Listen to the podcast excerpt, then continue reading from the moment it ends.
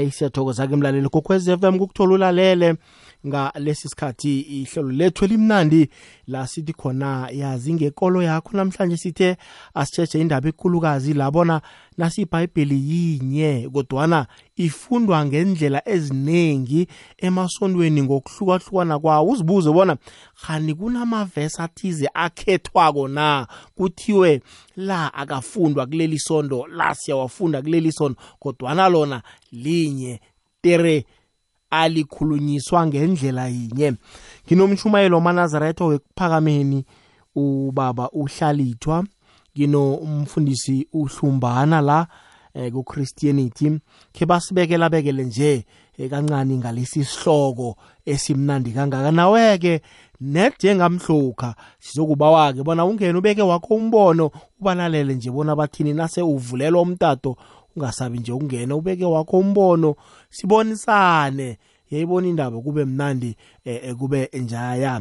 La kukokwezi FM ngifuna khe ngamukele inithekeli zami la akhe ngithome ngo eh, umshumayelo wamanazaretha hlala ithwalo tshani intambama ayibehle kuwe mindlolafu eh intambama ayibehle kumfundisi nakumlaleli wegokwezi FM awuzweke si sikhambeke siyokuzwa umfundisi uhlumbane. Maranatha mfundisi.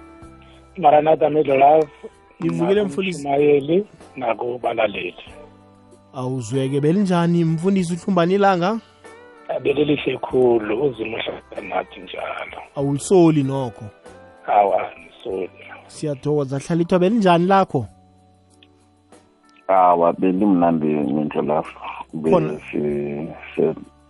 sembereko nezandla. Mm. uzima sipheye wona. Mm. Se- nama-challenge akhona wemihla ngemihla. Kodwa kukho la usola khona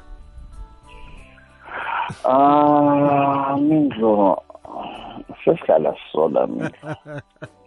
Angeke wahlala eSouth Africa mindlo ungasoli.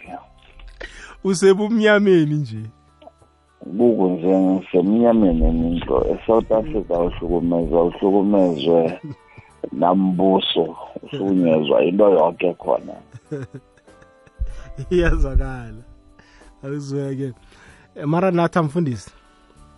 Maranatha middle love lasi sihloko la sibudisi mfundisi wami. Emasondweni na? Ngathi basho nikhetha-khetha amavesi. Kunevesi ekuthiwa yabona la kuleli sonto alifundwa mm Mm, la sifunda leli vesi. Akho ya sidlalela isihloko sethu mfundisi. Ngithokoze. Mm. eh middle love nge ikhona into oyikhulumileko. Ukuthi hey sikhetha amavesi eh amasondo maningi awakhuluma into efanako kodwana ibhayibheli linye ah akangisho mbiko lapha namabhayibheli la bathomile ukwashugulula ingalokho afuna abantu abafundako abafundisisako bazawabona ukuthi bashuguluke kuphi nakuphi. Amanye kunamavesi bangakawafaki and uh, akusiyiphutha ukuthi bangafaki amavesi lawo benze ngamabomu ngombana bafuna ukulahla ikulumo yonke ekuleyo chapter leyo. Kodwana lokhu awufunda i- ibhayibheli ulazi lonke uyakhona ukubona ukuthi la nala benze one two three. Kodwana khe siye ebhayibhelini ngilona ezasitshela bona kuragekani ephasini yini into eyenzekako emasondweni? Eh incwadi kaPeter ngowesibili uPetros ngowesibili eh isahluko ngesokuthoma. Petros wesibili isahluko sokuthoma. Ivesi ngiyeshumi nanye. Yona i- ifundeka kungesi oh ngiyamashumi amabili nanye. Ithi ngombana asikho isiprofito esake seza ngentando yomuntu kodwana abantu bakhuluma okungekwakazimu basunduzwa ngumoya ocwengileko ngamanye amazwi abantu namkha abaprofeti babhala ibhayibheli akekho wazisukela nje wathi ithi ngibhale kusukela le kumoses nguzimu wathi moses bhala. Abaprofeti abalendelako uzimo begade abathululela umoya wakhe uthi uzimo athi tlola ukuthi tlola nokuthi tlola ukuthi zonke izinto ebakade bazitlola kade ibatshelwa nguzimo isiprofetho sonke umuntu akazisukeli nje athi sengiyaprofeta nje kodwana umoya kazimo omfikelayo. Ngamanye amezwi nomprofeti kazimo akazazi bona uyoprofeta nini akazazi bona umoya kazimo uzamfikela nini. Ubona ngaleso sikhathi sewumfikele aprofete abhale izinto uzimo athi akazibhale. Okwesibili isiprofeto into esho ukuthi uzimo yini into azoyenza ezako namkhaye iminyaka sesemningi ezakwenzeka ngayo kodwa uzimo ayikhulume nje abaprofeti bayihlole ze ukuthi ngaleso sikhathi ifika sizobona ukuthi nambala ilizwi lakazimo liqinisile ngombana yoke into eyabhalwa kade nasi siyayibona iyenzeka uzimo asibhalela ukuthi kuzaba nabaprofeti bamala kade yahlola yoke lento namhlanje siyabona ukuthi bakhona abaprofeti bamala.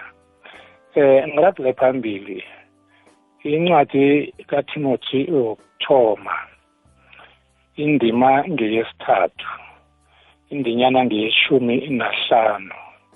Yona ithi nakungenzeka ngiriyade wazi bona umuntu kufanele aziphathe njani endlini kazimu. Okulibandla lakazimu ophilako noyisika nesisekelo seqiniso. Uthi umpostoli lokhu abhala la nangingariyada ngingakafiki msinyana ebandleni yazini bona kufanele niziphathe njani ebandleni lakazimu. Ngombana liyisisekelo seqiniso. Ngamanye amezwi ekonzweni kufanele kufundwe iqiniso lezwi lenziwe iqiniso njengombana lihloliwe ebhayibhelini ngombana yilizwi lakazimu. Asikwazi ukuthoma ikonzo noma sithi sithoma ikereke umuntu afuna ukwenza into ayithandako alotshe uzimu ngendlela ayithandayo. Abanye bathi solanka ngilotsha solanka ngithandaza umehluko awukho. Uzimbe engayikakuhlole ukuthi kuhamba nje kanti umehluko awukho kuleyo ndawo. Uzimu yonke into asihlolela yona ufuna siyenze njengombana injalo. Lokhu asifunda incwadi yesambulo sechumi nambili. Uthome nje evesini lokuthoma siyogcina leku-seventeen. Ikhuluma ngebandla lakazimu kodwana ikhuluma ngomfazi ogade anokukhanya ogade aza kuzala uJesu namkha kuyisiprofeto sokuzalwa kaJesu ubonakala ethwenya ephasini ethwenya makhosi wephasi. Benza zonke izinto ezimbi ngombana bafuna ukubulala lo Jesu oza kubelethwa. And uJesu thema kaza kubelethwa kwenzeka into etloliwe ebhayibhelini bafuna ukumbulala asemncane kodwana uzimo wamphephisa waze wakhula. Kwafika isikhathi la bambulala khona kwagcwaliseka imtolo kazimu la ashilo ukuthi ujesu uzakufa kodwana afele izono zabantu ze abantu baphuluswe akazange afe njengabanye abantu-ke ujesu.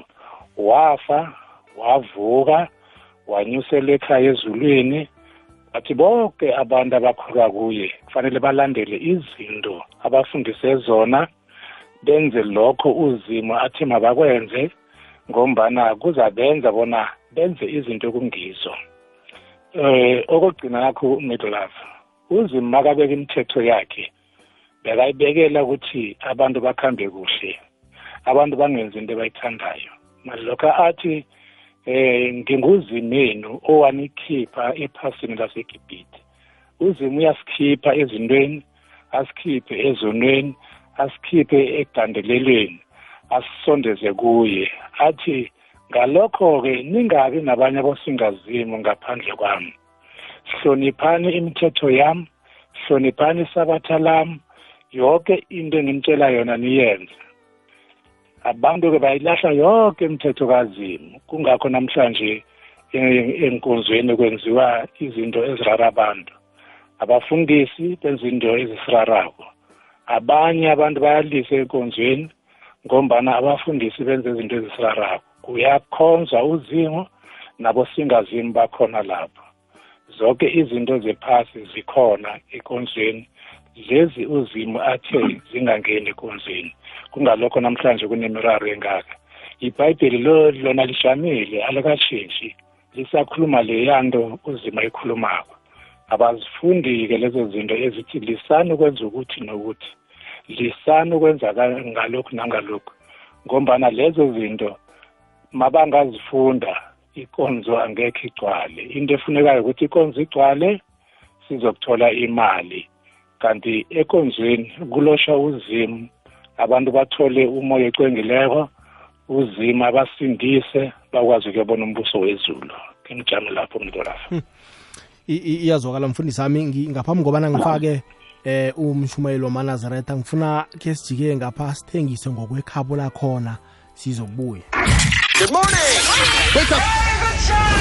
Yisivukile breakfast.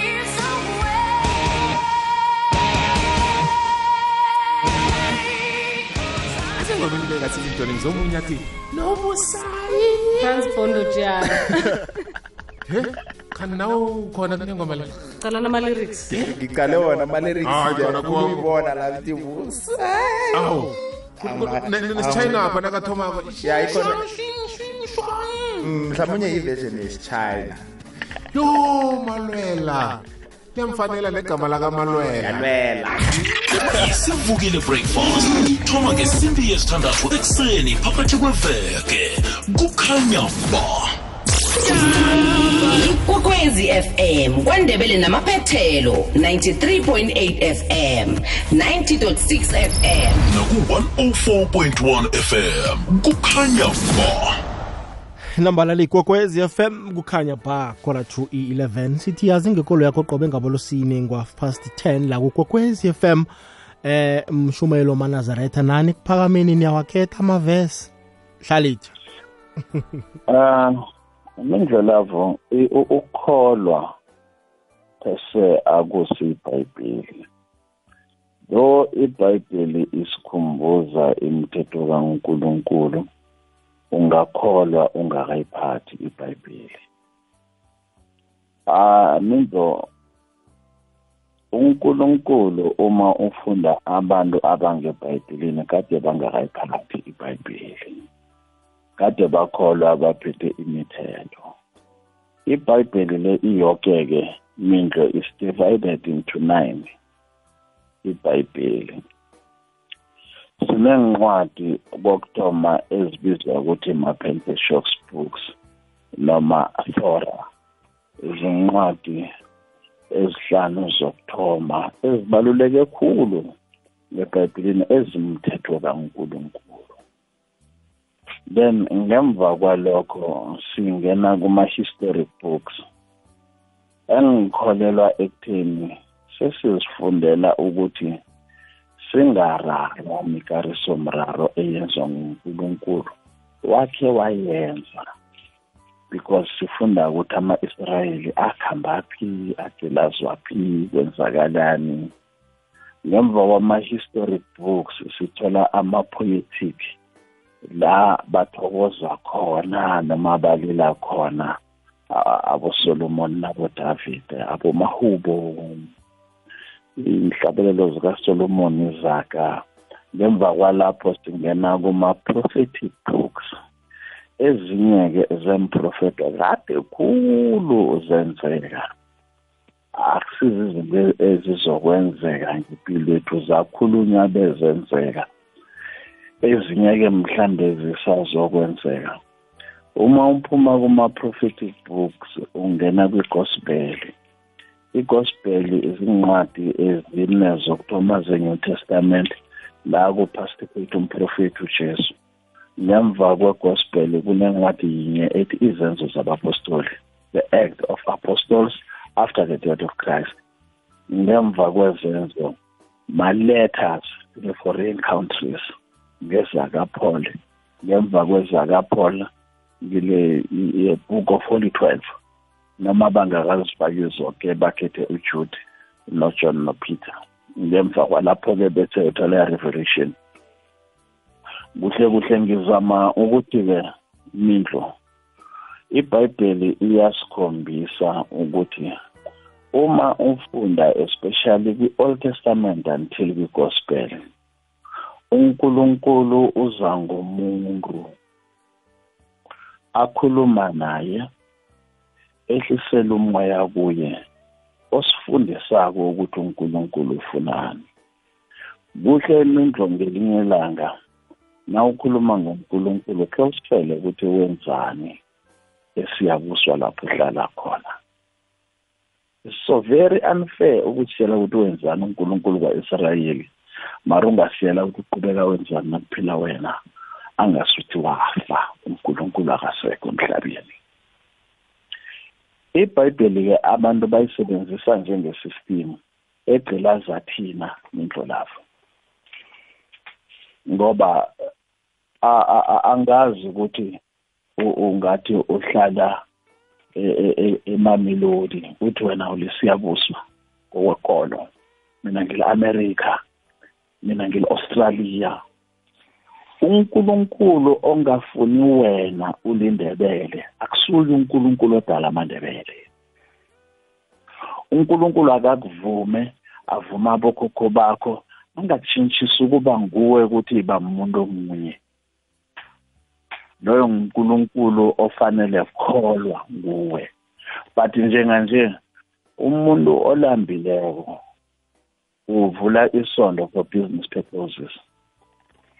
Ngoba mina ngikholwa ukuthi sikholwa kuNkulunkulu munye sonke ngoba uma sikholwa kilo uNkulunkulu onguJehova then fanele silandele imigomo yakhe engeBhayibhelini njengoba injalo. But uma singalandeli imithetho kaNkulunkulu njengoba injalo bese siyaclaima ukuthi sikholwa kuNkulunkulu. Munye a a angikholelwa kileyo. Mindlu baningi abonkulunkulu aba ngoba kwakhe kwaba nomuntu odlisa abantu utshani namakhondlo angimkholwa loyo nkulunkulu mina. Angimfuni nokumfuna loyo. Kunomuntu lapho abantu ola kuma-social media ngotshwala obasezikaselight angimkholelwa unkulunkulu njalo mina mindlo lapho and angikholwa ukuthi nala enazaretha sikholwa kiloyo unkulunkulu so whoever isondo elenza izinto eziphambene nalokho okubhalwe ngaphakathi kwebhayibhelini bakholwa omunye unkulunkulu abakholwa lo nkulunkulu okubhalwe ngale ngapha abakholwa kulo nkulunkulu owenza ukuthi sibe namasiko thina abantu. Ngoba amasiko wethu abantu especially black skin people agcwele ngebhayibhelini alikho isiko elenziwa abantu abamnyama lingekho ngebhayibhelini shulti kufike unkulunkulu kodwa ihlukana nesikheni akusuye uNkulunkulu ofanele khonzwa nguwe loyo isystem elethwe makhuwa kithi hhayi ngendlela yokuthi bafuna ukuthi sikholwe ngendlela yokuthi bafuna ukusilawula. Kukhona-ke ama-era amaningi ngebhayibhelini emuntu that is why ngithi ungakholwa ungalifundi ibhayibheli or you must identify the errors ngaphakathi kwebhayibheli. Kunama vesi obonako ukuthi ibhayibheli like if slaves they your earthly masters. Our earthly masters by then bekubabantu abamhlophe ama-slave bekumakhuwa. Then we must obey them. You love your enemy as you love yourself. How can you love your enemy? Umuntu ofuna ukukubulala. Umthanda njani wenzani?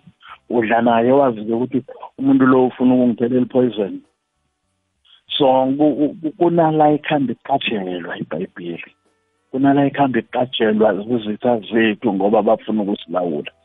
Uma ukholwa kuNkulunkulu abelieve ukuthi fanele uhlakaniphe fanele uqale ukuthi umuntu onjani ubuyaphi uzokwazi ukuthi uyaphi then ukufundisa abantu ibhayibheli it has to be a calling.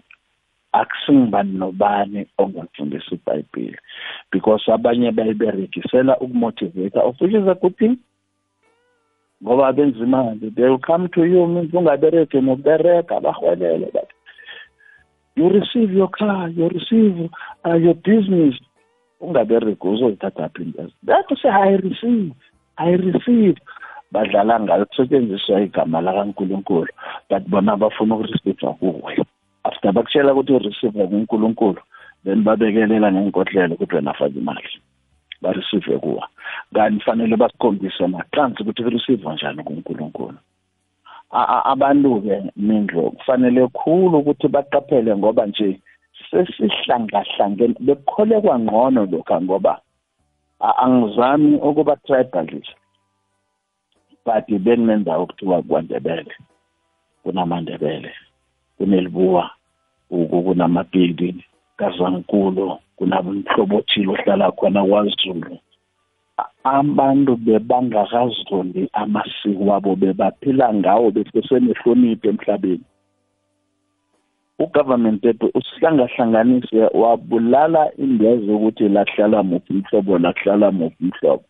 Sesinqube vange madoda kujama umsana phambi kwamadoda abatshele ukuthi ukuwela noma ukwenza isiko lokuwela uphambene nombuso kankulu ezange awele orare ukuthi nari umuntu lowakhuluma ngokwela kangaka ukwazelaphi ngoba kakaweli ujama umntazana ongakathombi akhulume ngequde basho kuyasonda babantu abasilimaza ingqondo indlelapho ngoba awukhulumi ngento ongayaziko bese uyiprojecte as ukuthi i-wrong. Ukhuluma ilizwi lakankulunkulu ufundisa abantu umthetho kankulunkulu. Ke ngifaka ukhoma indlelapho ya kuyazwakala mshumayeli balikhomba. Ke imzuzu ngaphambi kobana kubethe isimbi yechumi nanye leyikwekwezi FM kukhanya ba.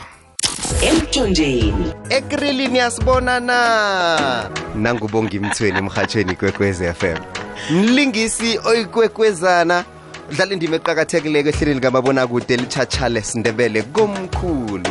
Ukuthi le yinto ebesicale sonke simandebele. Siyomele sifisa siyomele. Sithi kanti iza nini nangumina ngumandla ngokwamnguni isibongo ngivela ngethabana. Ekorweni yezokulingisa le gusheshe kuyinto engayithanda ngisasemfitshazana nokho. Okuhle kodwa ukusuka lapha kuya phambili nesiqiniseko sokuthi isewula afrika yokana ingemva kwayo iproject ekarisako le komkhulu njengoba nasonibukela qobe kungosondo.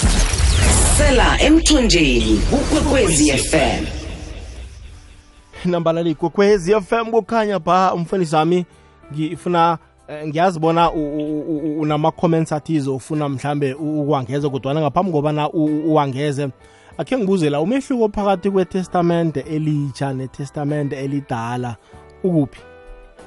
Ngithokoza phela lapho eh ayafana. Itestamente elidala asithoma nge- ngebizo leli elithi testament likhuluma ngobufakazi ngojehova. Then ubufakazi bakajehova buthi inkosi ujesu izokuzalwa ithwenywe ifele abantu ezonweni. Itestamente eli- eli- elitestamente elisha liyafika lithi ujesu uzelwe wathwenywa wafela abantu ezonweni zabo. Izinto eziningi ezikutestamente elisha zikhona kulo kilo lonke itestamente elidala. Ma ungafunda nje i- i- iy'ncwadi zokuthoma uhlale ethi akhulume ngazo ezintathu zokuthoma ebhayibhelini genesis one two three. Mm, u- uha- uhambe uye ekugcineni incwadi yesambulo ama- ama-chapter amathathu nawo akhuluma into efanako.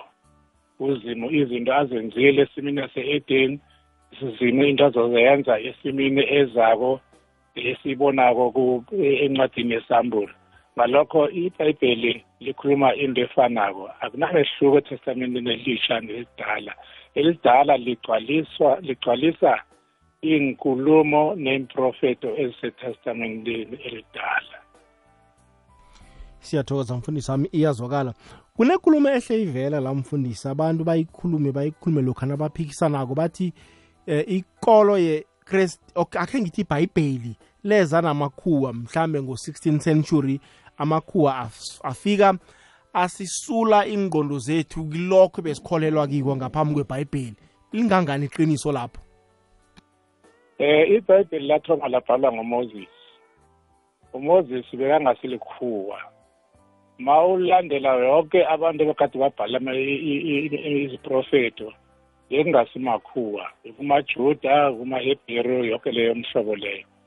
Amakhuwa azange zenebhayibheli ngombana ma ungawalandela nabo uzababona ukuthi kwabona iyababhalela inkonzo angithi ibhayibheli lithi uzimo uyazonda ibandlululo uyayizonda i-apartheid. Bona bakaletha ibhayibheli elithi uzimo uyayizonda i-apartheid bayenze kangaka bona. Bonisa ukuthi yizwi likazimu akusengibo bona njengoba umshumeli asho bafike basihlangahlanganisa ngoba nabantu mabazwa ikhuwa likhuluma ngombana kade bagandelele balandela yonke into ezikhulunywa makhuwa.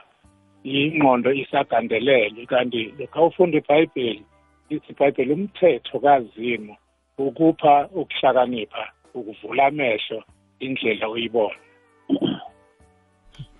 iyazwakala. Hayi mlaleli kokwezi FM singakuvaleli ngaphandle nawe ngena ubeke la ufuna ukubeka khona ngesihloko sithi sisiphetheko namhlanje ku-079 413 iwhatsapp line yethu ngileyo naku-086 3278 emtatweni.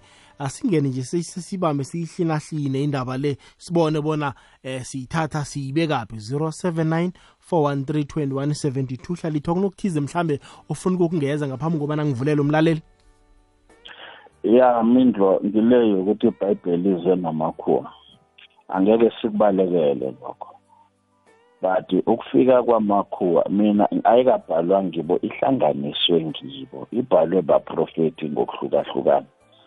Bona mabafika bacolonize abantu amakhuwa emiddle east afike ngo-65 BC bahlanganisa incwadi zabaprofeti benza incwadi yinye okuthiwa yibhayibheli. Bahluleka-ke amakhuwa ukupronounce amagama wabantu. Bawareplace ngamagama we-europe. Ngikho ukeria unabojeremiya nabo-ezekiya nabo-isaya nabo-abraham akusimagama aborehe mara amakhuwa awafakele ukuthi bakhone ukuwafunda. Then njengoba atshwile umfundisi almost i-old testament itam black uma uyifunda ngoba kwi-old testament kwenziwa ama-rituals ngembuzi amakhuwa akayazi into leyo. Ku-old testament umfazi uyalotsholwa nozokuthatha amakhuwa akayazi into leyo. Ku-old testament kunesiko le-circumcision amakhuwa akayazi into leyo. Ku-old testament kushisa impepho amakhuwa akayazi into leyo. Yonke isikompilo yaku-old testament isikompilo eyenziwa babantu abamnyama. And uma kufika incwadi le ibhayibheli la ebantwini abamnyama asikakafunda amasiko ngaphakathi kwebhayibheli. Ibhayibheli isithole siwenza amasiko. Sekuthi nje nabantu nebafundako bathi awu amasiko ethu angebhayibhelini ngoba vele ihistory ngaphakathi kwebhayibhelini ngiyabokhokho bethu. Kuyazwakala. Hayi akhe sithathe-ke leli ithuba silinikele umlaleli kokwezi FM mara nathi kunokuthiza ofuna ukukufaka lapho? Iye ngithokozanile lapho. Ngifuna nje ukufunda ivesi be yinye then ngabafaka abalaleli. Incwadi yabasekorinte besibili indima ngechumi nanye indima nangeyesibili. Ithi la nginetshisekelo ngani? Iye nginetshisekelo kazimu ngombana nganendisa endodeni eyodwa engukristu ukuze ningethule oh kuze nginethule kuye nilihlawo lamahlawo kodwana nginevalo ngani? Ngombana njengombana u-efa akhohliswa yinyoka enobuqili imikhumbulo yenu nayo ingahle iyengwe ekuzinikeleni kwenu ukristu kukristu oqotho nomsulwa mawuragela phambili ithi ngithanda ukuthi niyiqalisise into yokuthi ningayengwa ninikele kukristu nganendisa indoda eyodwa kodwana imikhumbulo yenu njengombana u-efa wakhohliseka kungenzeka nayo ikhohliseke. Into esiyibona namhlanje ukuthi abantu bakazimu bayakhohliseka. And kulula ngombana abantu bayathanda ikonzo kodwana into abayithandako ikonzo ekonzweni abantu ukubona imbonakaliso zenziwa bazibone abafuni ukufunda ukuthi uzimu uthini. Okwesibili bafuna ukuzwa ngabafundisi ukuthi abafundisi bathini. Abafuna ukufunda ukuthi uzimu uthini. Kanti ibhayibheli liphatha noma ngubani ukuze uzifundele ulandele into eshiwo nguzimu thokoza iyazwakala mfundisi wami. Khe siyokuzwa la umlaleli kokwezi lotshani? Alright ku-086 3003278 ngena mlaleli kokwezi fm kokwezi lotshani? Sithokoza imidlo labo nivukile? Sivukile ninjani? Sivukile imidlo labo mntwana ehlonge siyabusa. Siyathokoza. Midlo labo ngiyathoma ukulalela ihlelo labafundisi namhlanje angisuye umntu ekereke mm. ngithe ngilalele imidlo labo ngiyahwateka nangumfundisi angibekele indaba ihlale Mm. eh midlo labo kanengi njengoba bamfundisi achile uyamthola umuntu eh ongakenzi amasiko acriticize amasiko ngendlela erarako nangendlela ezwisa ubuhlungu bengiyatsho ngiyabuyelela ngithi nangakhe ngimfunyane umfundisi ngendlela akhulume ngayo ngiyacabanga ukuthi nangabe ukuthi meskini unabantu abalisumi ngesondweni ngingwesumi nalinye. Nami ngingalijoyini isondo. Mfundisi ungibekele kamnandi khulu ngikuthokoza kuzala izandla zombili kwangasuthi nabanye bebakulalele bakuzwe. Mina ngikuzwile baba umfundisi. Um siyathokoza kuleyo ndawo. Ngiyathokoza. Azeke okay ku-086 0003278 079 2173 ngikhambisana nomshumayeli la wamanazaretha uhlalithwa khambisana nomfundisi uhlumbane maranatha. Ngifuna khe sikucala-ke nakuma whatsapp voice note. Bona umlaleli ukhomenta uthini? Khe si- khe sibone ngokwekhabo lakhona la indawo zijama ngeli zakho ngolosine ebusuku. Eh mindlulavu nangambala amasondro kunamavese ewa emasondweni amavesi bayawakhetha. Kunamavesi amabili engingakhohlwa ukuthi akibobani. Enye ithi ningakhohlwa ngenkhonkhwani ngenkhonkhwani zemakheni ngizibuza ukuthi vanitsho ukuthini ikomu kungatshunyanyelwa ngalokho emasondweni. Ngamavesi layo ngamanye amagama mindlo lavu itsho ukuthi nakubanyana ekhenu but zaniphahla or zanisonra or zanenzani nawe naselulunga lomndeni kuzokumele ukwenze lokho. Ibuye ibuye emundlela lafu kunapho kunye ithi okwenza okusesesekhalweni lakho namhlana ukuletha emhlabeni kuzokumele ukuthi enze lokhu kade ukwenza. Mindlo lavu abantu abaningi balahlekile and bakhohliswa amabhayibheli ngoba kungatshunyanyelwa ngamavesi layo. Kuze ekugcineni kuze abantu benza amasiko sebabadala. Eyi mindlo lavu masondo navele kakhethwa mana amavesi. Danke siyathokoza kuleyo ndawo. Khe sizwe la? Eh ngiyathokoza minto lapha sithokoze. Ngiyalotshisa ngilotshisa abafundisi bami. Ukhuluma nolukas castawa la ethulane kabospepe eh minto lapha ngiyavuma amabhayibheli ibhayibheli linye amasondo maningi. Abantu aba sebenze isondo ibhizinisi. Mina bengikholelwa endabeni ukuthi ibhayibheli ini nani ha-e. Mina ngikholelwa ukuthi umuntu nangafika kimi athi lukas uba ngikhulu wakho uthi thatha into esona so uyihlanganise uzokuphumelela ngizeyenza into lapho mara kube nomuntu othi nawufuna umberego kune-envelope ye-700 bhala inkinga zakho uzenze uzokuthola umberego. Hawa usemberegweni umuntu lo uyayiberega. Mina ngikholela umuntu othi uba ngikhulu wakho wekheni utsho so wekhethe mkhulu wakho utsho so. Mina ngiphila nje ngisifanekiso sabantu bekhaya ebaphila kade. Ngiyathokoza mindlo lavo. Kuyazwakala kileyo ndawo khe sizwe la.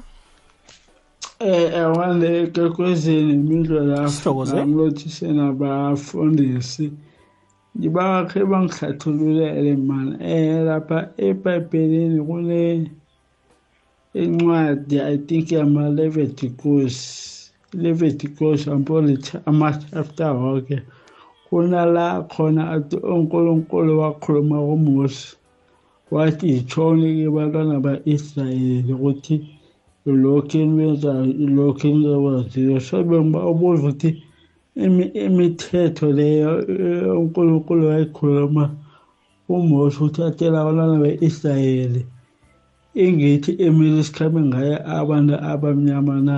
Le mithetho unkulunkulu wayeyithiya kuMose ukuthi atshela abantwana be-israyeli bengibuza ukuthi um ngiyo fanele sikhambe ngayo na? And if asikhambi ngayo epeni sifunda ibhayibheli sithaphile na ngofosimuzo uqaliwe emahlanga ethefadeni english ababehlathulula ukuthi mhlawumbe bechaze nemithetho le eseleveticosi ngiyo emele sikhambe ngayo na sibabantu siphila especially abantu abanzima na? Hlalithwa khe nginikele wena? Eh mindlo njengoba ngishilo. Ukuthi iBhayibheli imlando wabantu abanzima. Ah imithetho kaMose mindlo ibackbone yokholwa ngoba akekho umprofeti ongakhulumi ngoMose until umprofeti uJesu ukhuluma ngoMose. ukukholwa okunganagama elithi uMose noma imithetho kaMose akukapheleli ngoba yonke into nje ethi umthetho uNkulunkulu wayeletha ngoMose ebantwini. Kuyazwakala khe sizwe.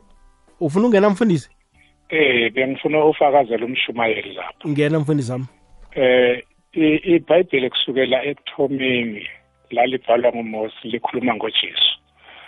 Mawuqale uMose makabelethwako kwakubulawa abasana eGibhite ngoba nabantu baze bathethela umbuso uJesu naye makabelethwayo kubulawa abasana. uMoses ubizele ukukhipha abantwana bako-Israyeli emthakweni uJesu uzele ukukhipha thina ezonweni uMoses wazila i-40 days and 40 nights noJesu wazila 40 days and 40 nights. uMoses wakhuphukela entabeni ayolanda umthetho kazimu wabuya anephazimula abantwana ba-Israyeli bayabhalela lokumqala. uJesu uthatha abafundi abathathu phelo yanabo entabeni naye ufika uyaphazimula babona ubuso bakhe buphazimula bufana nelanga. Uje uMoses wakhamba wayofela entabeni noJesu wakhamba wayobethelwa entabeni. Yonke into ekade yenzeka kuMoses bekade iprofeta uJesu. Ngithokoza iyazwakala la. Sizwe umlaleli bona uthini? Lotshani emhashweni imindlo lavo ukhuluma noteboho e-bank yazi mina umbuzo enginokuzibuza wona ukuthi kwaba khona ngelinye ilanga bengihleli ngingasonti. So ngiba nenhliziyo damani ade ngisontweni ngiyosonta so and then i choose isonto elithize ngiyekilo first day ngi-attenda bacela isonto maliphumba but okay abafikayo beze ngapha. And then mindlu lavo engazibuza kona ukuthi mangifika ngale? Basibuza ukuthi okay eh uson i mean usebenza phi? Uhola malini? Um nali ifomu emele uligcwalise and then they told you ukuthi umnikelo wakho kuzoba imalini how many percent? Kushuthi bakutshela and then into engazibuza yona ukuthi mina ngisela ngokusonta why like kube nokuthi ngibuza ama-details wami and then why mele kube nokuthi ngitshele ukuthi ngihola malini njani? So nje angi-understand yes. Hlalithwa? Ah mindlo abotsotsi badine gijinyiswa amapholisa bafuna ukuyibamba kamnandi ikunzi bambethe isudu nemathayi bafuna ukuyibamba ngesikhuwa bathi amen ngegama likajesu. Akekho umfundisi one-bank account kajesu. Umfundisi ofuna imali ebantwini wenza inzuzo. Ubuhlungu mindlo lavo because abantu beza esondweni baxhagile abakizi esondweni to enrich a pastor. Abafundisi ababereki abantwana babo bafunda kuma-multiracial school. Abantwana babantu abezesondweni bafunda kuma-government school. Abafundisi abanamahloni bokudla imali zabogogo zomndende. Bafuna imali khona lapho nemali zendandane ugcwele abotsotsi amasondo kazimu akekho maningi emhlabeni ugcwele amasondo wabotsotsi. Abantu kubalulekile ukuthi bazihlogomele khulu nabaye emasondweni ukuthi bangena hloboni lesondo. Isondo elidla imali yabantwana bakho. Akusilo likankulunkulu mindlo usathana unamasondo amaningi naye and sekubuhlungu ngoba wokathi in the name of jesus wakankulunkulu newakasathana. Wakasathana wabona ngezetho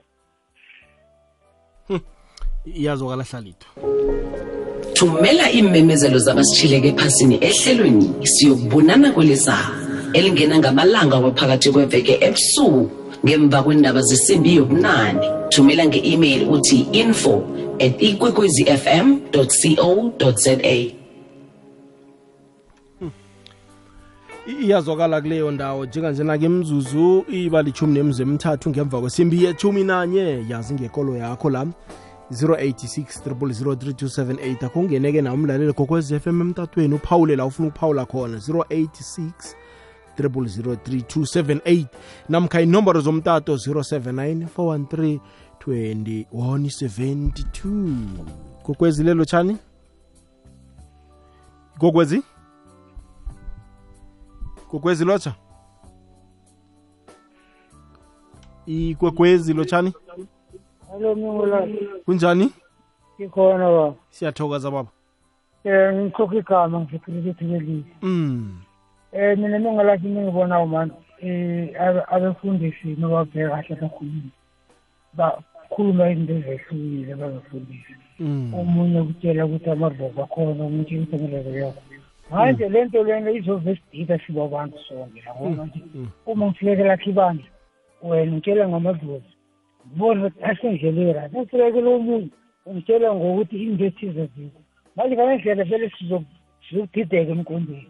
Abakhulumi into wani esebhayibhelini yonke. Angi limbona ngathi mina lento leyo yesezi ukuthi sihlangahlangana ukuthi umuntu omunye ubalekela ukuthi ufuna ukwenza ukuthi zathi angiye ngale kuleyo mfundiso ngoba yena ukuthi ukuthi kuyenzeka. Yabona. I- ya ku- kuyazwakala umfundisi wami eh hlumbani alo Eh. kanti kuba yini ephasini kunesondo elinje isondo A isondo B isondo C kodwana uzimunye abanye baze nelinye isondo limbiza ngendlela yakhe uzimu. Limphe igama nelinye limbize limphe igama. Kunala mhlawumbe ibhayibheli lakhe la la profeta khona bona into ezifana nalezi zakwenzeka iye. Eh incwadi ka-ezekiel incwadi ka-ezekiel 22 mawuyithoma ku-verse 23 i- ikhuluma izinto ezinjalo. Mina ngizayithoma ku-26 ithi abapristi bayo bayawona umthetho wami begodwa basilaphaza impahla ecwengileko. Akha- akhange benze umahluko phakathi kokucwengileko nokujayelekileyo begodu akhange bafundise umehluko phakathi kokuhlanzekileyo nokusilapheleko badelele namasabatha a- namasabatha wami ukuze ngihubhujwe phakathi kwabo. Ikhuluma ngabapristi la ithi badelele umthetho kazimu. Benze abantu ukuthi kube nabafelokazi abaningi ngombana bazifunela imali. Ivesi ka-27 ithi inkhulu enaheni zinjengempisi ezidabula inyamazana zithula zithulula ingazi bezibhubhise ukuze zifunyane inzuzo embi. Ithi bayabulala benza konke ze bathole imali. Yonke lento iyenzeka kubantu abaphethe ibhayibheli kubantu abanenkonzo ngimzwele ubaba lo akhuluma into ekufanele siyenze ngikhe ngayisho nalokha abantu akhe bazifundele ibhayibheli. Okwesibili bangafunda amavesi. Akafunde nje ibhayibheli njengobana linjalo ivesi uyifunda leyo chapter uyazi yonke then uma ufunda ivesi uzakwazi ukuthi uyokhuluma ngani. Akhe abantu nabo khe bazifundele ngombana ibhayibheli likhona yonke indawo. Ngithokoze. Iyazwakala mfundisi. 086 0003278 086 0003278 zinomboro eh, zami zomtato. Inomboro ye-whatsapp ithi 079 413 2172 thumela i-whatsapp eh, mlalelo kokwez FM voice note sikwazi ukuyilalela ngokwe ekhabo olakhona. Eh ukhone ukuzwakala nawe emoyeni hlala ithwa. Ya siyabona la. Mm isombululo ke zikuphi ke hlalithwa ngoba siyabona pheze kuyonakala. Izinsombululo sizokubona senzeni? Abantu kufanele benzeni? Abantu bathembele emasondweni kodwana sekuno akusana masondo mbala. Senzeni ihlalethwa phela isondo khumbula livuselela nomuntu isimilo isondo likhuthaza nomuntu isondo liphuma umuntu ithemba mara hayi khona ngendlela kungakho hayi khona. Eh Mendlo abantu abavakashe emasondweni. Ngaphakathi komuntu kunomoya esiwubiza ngesintu ukuthi ngunembeza. Unembeza akatshelwa amanga. Unembeza uzokutshela nawusendaweni erehe noma ungaliphikisa iciniso mara umuntu ebekakutshela iciniso lo angekhe wamkhohlwa lizokuhanta iciniso ungasabi ukuvakatsha emasondweni awuzinikeli uyavakasha nje ulalele ukuthi abantu ababathini. La fanele ubuze imibuzo khona buza imibuzo. Then uzoyithola ikolo erehe sijikajikile mindlelavo asikakaveli la sikhona nje. Ungena la uyaphuma ungena la uyaphuma ingilozi iyakubhikisa. Ungena la uyaphuma ingilozi iyakubhikisa until your reach your destination. Ubone ukuthi eh nakhula kungifaneleko omunye nomunye ke ufuna njalo.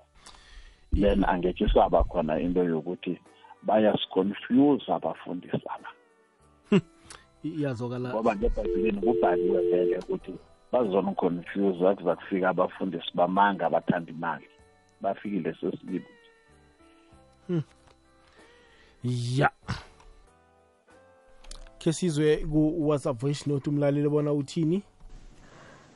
Dumelang baruti ka kwekwezi ke hloka ina ka mo ena be ke kgopele go botsisa gore na se sa gore moruti o tshwanetse gore a rekelwe koloi moruti o tshwanetse gore ga ka birthday ya gage a rekelwe dilwana dilwana ebile a nametswe sefofane gore a o ja birthday ya gae felotsoko kgane ke mannete ana ke moruti o a nyakang ka mokgwa obane matšatšinyana go na le se seng gore ba re moruti o rekelwa dikoloi moruti ga a tshwanna gore a sokole. Kgane batho ba ba tsenang ka mo kerekeng ka mo bona tšhelete tshwanetse re ba etsee kae? Be ke botsisa seo gore ke molao na? Moruti o tshwanetse gore a ire ka mokgwa na e be ke botšiša ke lebogile ke tlhoka leina ka mo ke lebogile. Siyathokoza mama eh maranatha? Ngithokoze philo lapha ya ujesu azange athengelwe ikoloyi bekade akuhamba ngey'nyawo abafundi bajesu azange bathengelwe ikoloyi bekade bakuhamba ngey'nyawo eh umshumayelo ukhulumile uthi isiprofeto sithi kuzaba nabafundisi bamala? Abazifunela imali. Umfundisi akasebenze ahole angatholi imali angakaholi. Inkinga ekhona namhlanje abafundisi abaningi bavula ikonzo ngombana bafuna imali. Abavula ikonzo ukuthi bazochumayeza abantu bakazimu bazi ngombuso okazimu yonke into zenza nje kunofaya kunothi imvilophi nazi igcwalisani imali ndizothola izibusiso. Ebhayibhelini ayisho njalo. Iminikelo iye ikhona ebhayibhelini. Kodwa ihlelekile. Uzimo yonke into ihlelile ukuthi iminikelo ikhamba njani okweshumi ikhamba njani yonke into ikhamba bunjani uzimo uhlelekile. Lokhu asithola abantu abangahlelekanga kuba nenkinga ngombana abantu bayithanda ikonzo bamthande umfundisi kunokuthanda uzimo yikho abantu balahleka baduhiswa ngombana bathanda umfundisi ukudlula ukuthanda uzimo thokoze milolava lotsha mindlolavu nabalaleli benkwekwezi FM nabafundisi bami ngapho. Ngiyalilotshisa eh ngiyithanda ukuxolisa ngoba angisizwanga isihloko sanamhlanje ngoba umhathi ubambuyeka ngapha. Kodwa ngizwe umlalelo omunye nje manje othi wake waya enkonzweni wafika wabuzwa ukuthi uhola malini wasayiniswa amafomu. Mindlolavu uyabona ukuthi sometimes abafundisi laba bakulezi nsuku nakhona hayi bonke yibo abasicosha emasondweni. Ngitshele mindlolavu ma umfundisi ezokubuza iholo lakho ukuthi uhola malini. Ungenaphi umfundisi eholweni lami? Ungenaphi umfundisi emholweni wami? Ngoba ibhayibhili masilibala ngokunikela lapho unkulunkulu ufuna nje 10 percent. Akafuni 100 percent yomholo wami or i-50 percent yomholo wami. 10 percent. Nakhona it's not a must. Akufoswa. Unkulunkulu kasifoseli ukuthi sikhiphe okweshumi.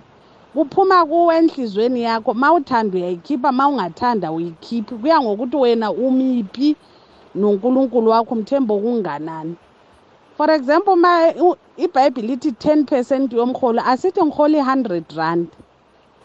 Ku-100 randa unkulunkulu lapho ufuna i-10 percent. Cha hayi abafundisi laba bayakwatisa mani abafundisi laba yibo abacotsha abanye abantu emasondweni. No ntshela ungabuyela kusasa ma umfundisi ekubuza umholo wakho. No no no abenzi kahle. Nakhona hayi bonke. Ya. Hayi iyazwakala makasibu hlalithwa ungathini? Sesizoyivala ungathini ngecomment kama uh mindlo indaba ye-10 percent pese akudonethelwa umfundisi 10 percent. I-10 percent yayenzelwa ibandla lakuhlala khona inlandani nabafelokazi ngoba banganamadoda abazoyobalimela umuntu athatha isivuno sakhe se-10 percent asisesondweni ukuthi abafelokazi bakhona ukudla nendandane zikhona ukudla. Hhayi le yobutsotsi le uthathe imali yangakwakho uyokondla indoda enye. Ithi incwadi kashembe emthandazo wokuvuka uthi uma ungumfundisi uboba i-example yokuthi wathi unkulunkulu ka-adam akuberekwe. Uma wena mfundisi ukuhamba ucela ukudla kubantu angeke waba mthwalo ebantwini na? Abantu fanele babonele kuwe ukuthi kuyaberekwa. Akunamuntu ozokuhlala ngayo emberegweni abantu baye emberegweni. Bese nge-weekend aye esondweni abantu bathathe imali efanele yondla abantwana babo basho bayokwenza umfundisi. Kunento ezibuhlungu kulu mindlolavu whereby abantu basilingwa lisondo angathana bayalithanda abomama nabentwana. Ubaba uphethe imali mara kunakudla ngapha. Nedi imali le uyirizevele ukuthi nje mntakhombisa abafundisi esontweni bamthande. Akekho umfundisi onesihogo akekho umfundisi onezulu. Abantu fanele bakwazi lokho. You can't buy that. Ya hayi-ke mlaleli gokwezi FM sesifike emaphethelweni-ke wehlelo lethu lanamhlanje. Maranatha ngibawa ukhulumise nje amaphuzu wakho aqakathekile ufuna ukuwagcizelela eh bewulayelise umlalelo mhathi kokwezi? Ngithokoza nito lapha ngithanda ukuvala ngencwadi nasi kaJohanisi indima ngeyechumi indinyana ngeshumi nesithandathu. Ithi nginazo ezinye izimvu ezingasizo zesibayisi. Nazo kufanele ngizilethe. Nazo zizalizwa ilizwi lami kube mhlambi owodwa nomelusi oyedwa. Ivesi 27 yona ithi eh izimvu zami zizwa ilizwi lami. Ngiyazazi nazo ziyangilandela. Uthi izimvu zami ngiyazazi. Ujesu makhuluma ngezimvu ukhuluma ngabantu bakhe. Bona labantu abafundisi babalahlako abadlala ngabo. Ujesu uthi ngelinye ilanga uzabaletha babe mhlambi munye bayezwa izwi lakhe hhayi labafundisi then bazaba mhlambi munye.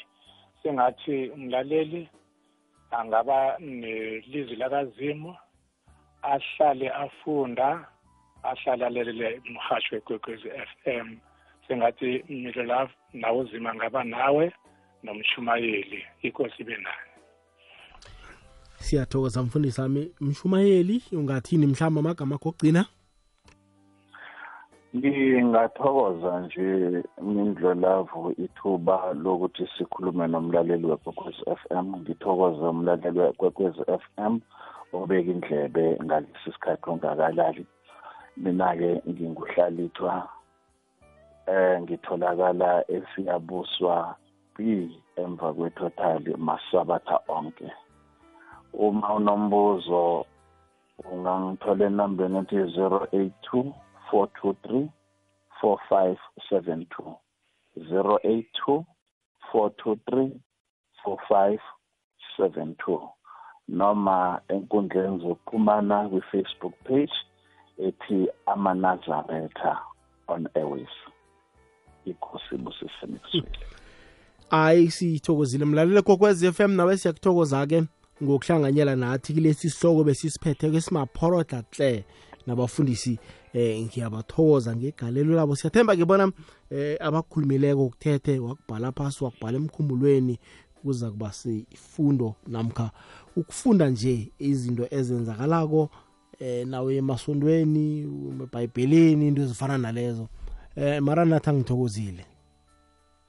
Ngithole ngithokoze um middle love awuzweke. Hlalithwa ngithokozile? Amen mindlo inkosi busise inkosi busise umleleli wekwekwezi FM siyathokoza. Hayi siyibeke la mlaleli kokwezi FM abafundisi bami bayendlalile indaba bayendlala kamnandi. Eh uza kuthola i-podcast kusasa ngesikhathi sama sasemini ngamadina bazabe sele sebayifakile. Ukhone ukuyilalela ngokwesikhathi sakho. Eh uyilalele ufunde kiwo wonke ama-podcast ohaye uwathole ngaphasi kileli ihlelo.